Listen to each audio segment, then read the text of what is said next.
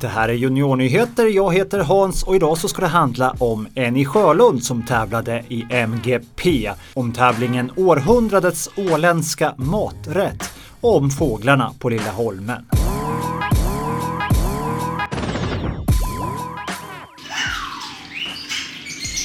Det har varit ett himla liv. Inte bara i fågelhuset utan också om fågelhuset på Lilla Holmen den senaste veckan.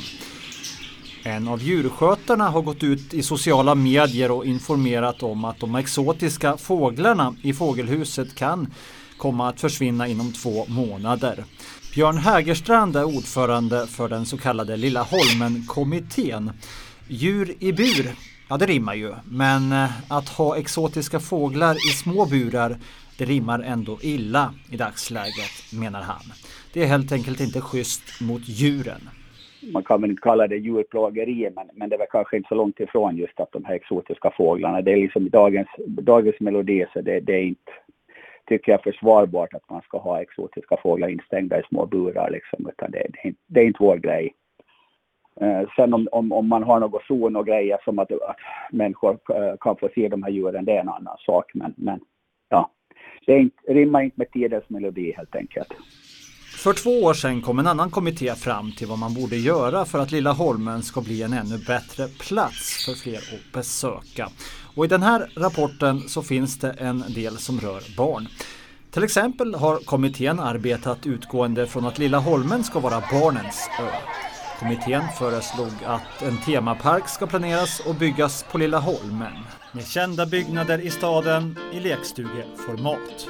Enligt rapporten från 2019 så ska det omtalade fågelhuset avvecklas. Ett förslag var att göra om det till en slags värmestuga för picknick inomhus, men att det kan hända att det är så dåligt skick att det är tvunget att rivas. Det kommittén föreslår är att prioritera vissa djur som kommer mer i direktkontakt med barn. Det kunde till exempel vara kaniner och får. Men även de populära påfåglarna som strövar mer fritt kan ha en framtid på Lilla Holmen enligt kommitténs sätt att se på det. Julia Burney är ordförande i infrastrukturnämnden som ska ta beslut om områdets framtid. Det kanske låter som att det inte ska finnas djur på Lilla Holmen i framtiden, men det kommer det att finnas. Att vi kommer att behandla det här med allra största respekt i nämnden och, och diskutera framtiden ett, ett bra sätt att, att utveckla det här på. Tid är en bristvara när det gäller behandling av barnskyddsärenden. Det visar en studie som har gjorts. Vad handlar barnskyddet om? Jo, alla barn har rätt till särskilt skydd så att barnet kan utvecklas och växa upp tryggt och harmoniskt. Därför finns det personer som arbetar inom barnskyddet som är skyldiga att hjälpa barn om hemförhållandena inte är tillräckligt trygga och föräldrarna inte tar hand om sitt barn på rätt sätt. Och den här studien som har gjorts av högskolepraktikanten Jannica Tynny med hjälp av en enkätundersökning med personer inom barnskyddet. Där så framgår det att eh, det bland annat behövs mer information till barnet och att barnet ska kunna uttrycka sin åsikt och sina önskningar. Barn behöver få vara delaktiga i barnskyddsutredningar eftersom att det är deras liv och framtid som det berör. Eh, socialarbetarna och beslutsfattarna gör beslut om barnets liv och då ska ju självklart barnet ha rätt att ha en åsikt och, och, eh, och kunna påverka hur, vad, vad beslutet blir. Och för att barnet ska kunna uttrycka sin åsikt och sina önskemål så krävs det ju oftast eh, flera möten med barnet för att barnet ska kunna känna sig tryggt att göra det. Och då är det ju just tid som behövs. Så jag hoppas att, att man tar till sig det och att man hittar metoderna också för att, att göra barnen delaktiga i det vardagliga jobbet. Nu ska århundradets åländska maträtt utses. Under Ålands Radios insamling till världens barn fick kocken Micke Björklund i uppdrag att laga ihop en maträtt på olika ingredienser som de åländska bidragsgivarna ville se. En korv som jag gjorde på leverlåda, blodpudding och eh, där hade jag också i den hade jag lakrits, marshmallows och sen hade jag också körsbär, så här inlagda körsbär. Lever och sötma, mm, och blod. Men um, det, var, det blev en ganska härlig smak, uh, ja, lite annorlunda helt enkelt. Ja, om det var århundradets åländska maträtt som föddes där och då, det ska jag låta vara osagt. Men fram till den sista oktober så går det i alla fall bra att nominera en rätt eller skicka in ett recept på en rätt som kan vara med i tävlingen Århundradets åländska maträtt. Vad är smaken av Åland de här hundra första åren? Man ska ju tänka brett. Vad är det liksom typiskt åländskt absolut, men man ser också av de förslag som redan har kommit in så kan man ju också se en viss generationsskillnad i rätter som har som man, recept eller rätt. Mm. som har kommit in och, och, det tycker jag är jätteroligt. Jag kan säga så här, jag trodde, jag tänkte att åh, nu kommer det 8000 förslag på pannkaka. Mm. Och det har kommit många som har nominerat Ålands pannkaka men helt ärligt färre än vad jag trodde. Det är jätteroligt för det har kommit väldigt, väldigt brett som sagt. Sa Mysan Sundqvist som jobbar med projektet Århundradets åländska maträtt som kommer att presenteras i början av mars nästa år. Sen en jury har valt ut finalister som ålänningarna sen får rösta på.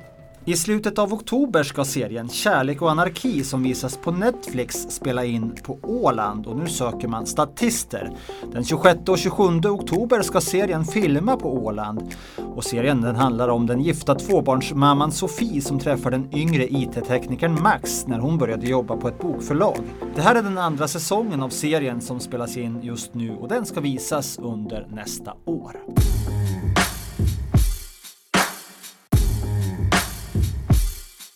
Det kunne være hyggeligt at komme her til Åland. Øh, vi havde hørt godt om naturen, og også at det var anderledes på sygehuset heroppe. Øh, så det ville vi gerne opleve. Det säger Julia som är utbytesstuderande sjuksköterska på Åland.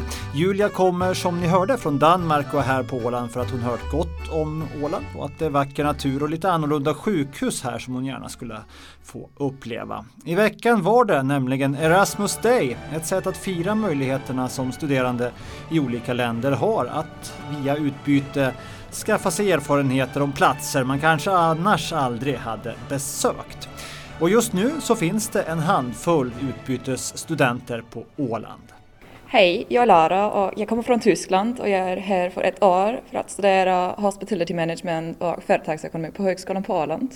Alltså du har inte varit här särskilt länge ännu men det låter som att du har hållit på med, med och övat dig på svenska både länge och väl. Ja, jag har pluggat svenska på två år på Tyskland i högskolan där och jag är här i två månader nu.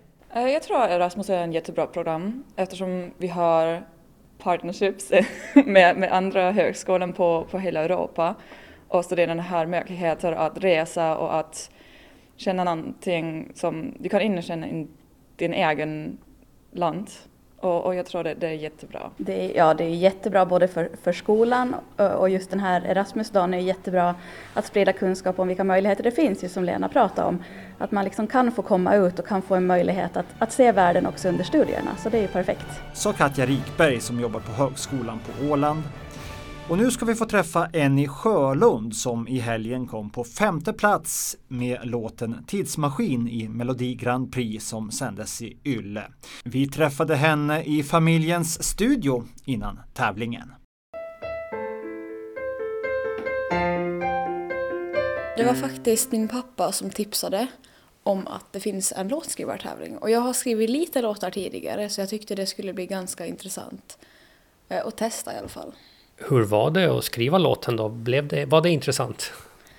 Ja, det var ganska intressant att skriva låten. Jag var på en eh, kurs i våras eh, där man fick liksom hjälp och skri- alltså lite hjälp att skriva låten. Eh, sen texten kom till lite senare. Det var faktiskt, jag hade ganska bråttom hem från stallet och då, fick jag bara, då behövde jag skriva ihop den så att jag skulle kunna skicka in den. Men den blev väl bra ändå, tror jag.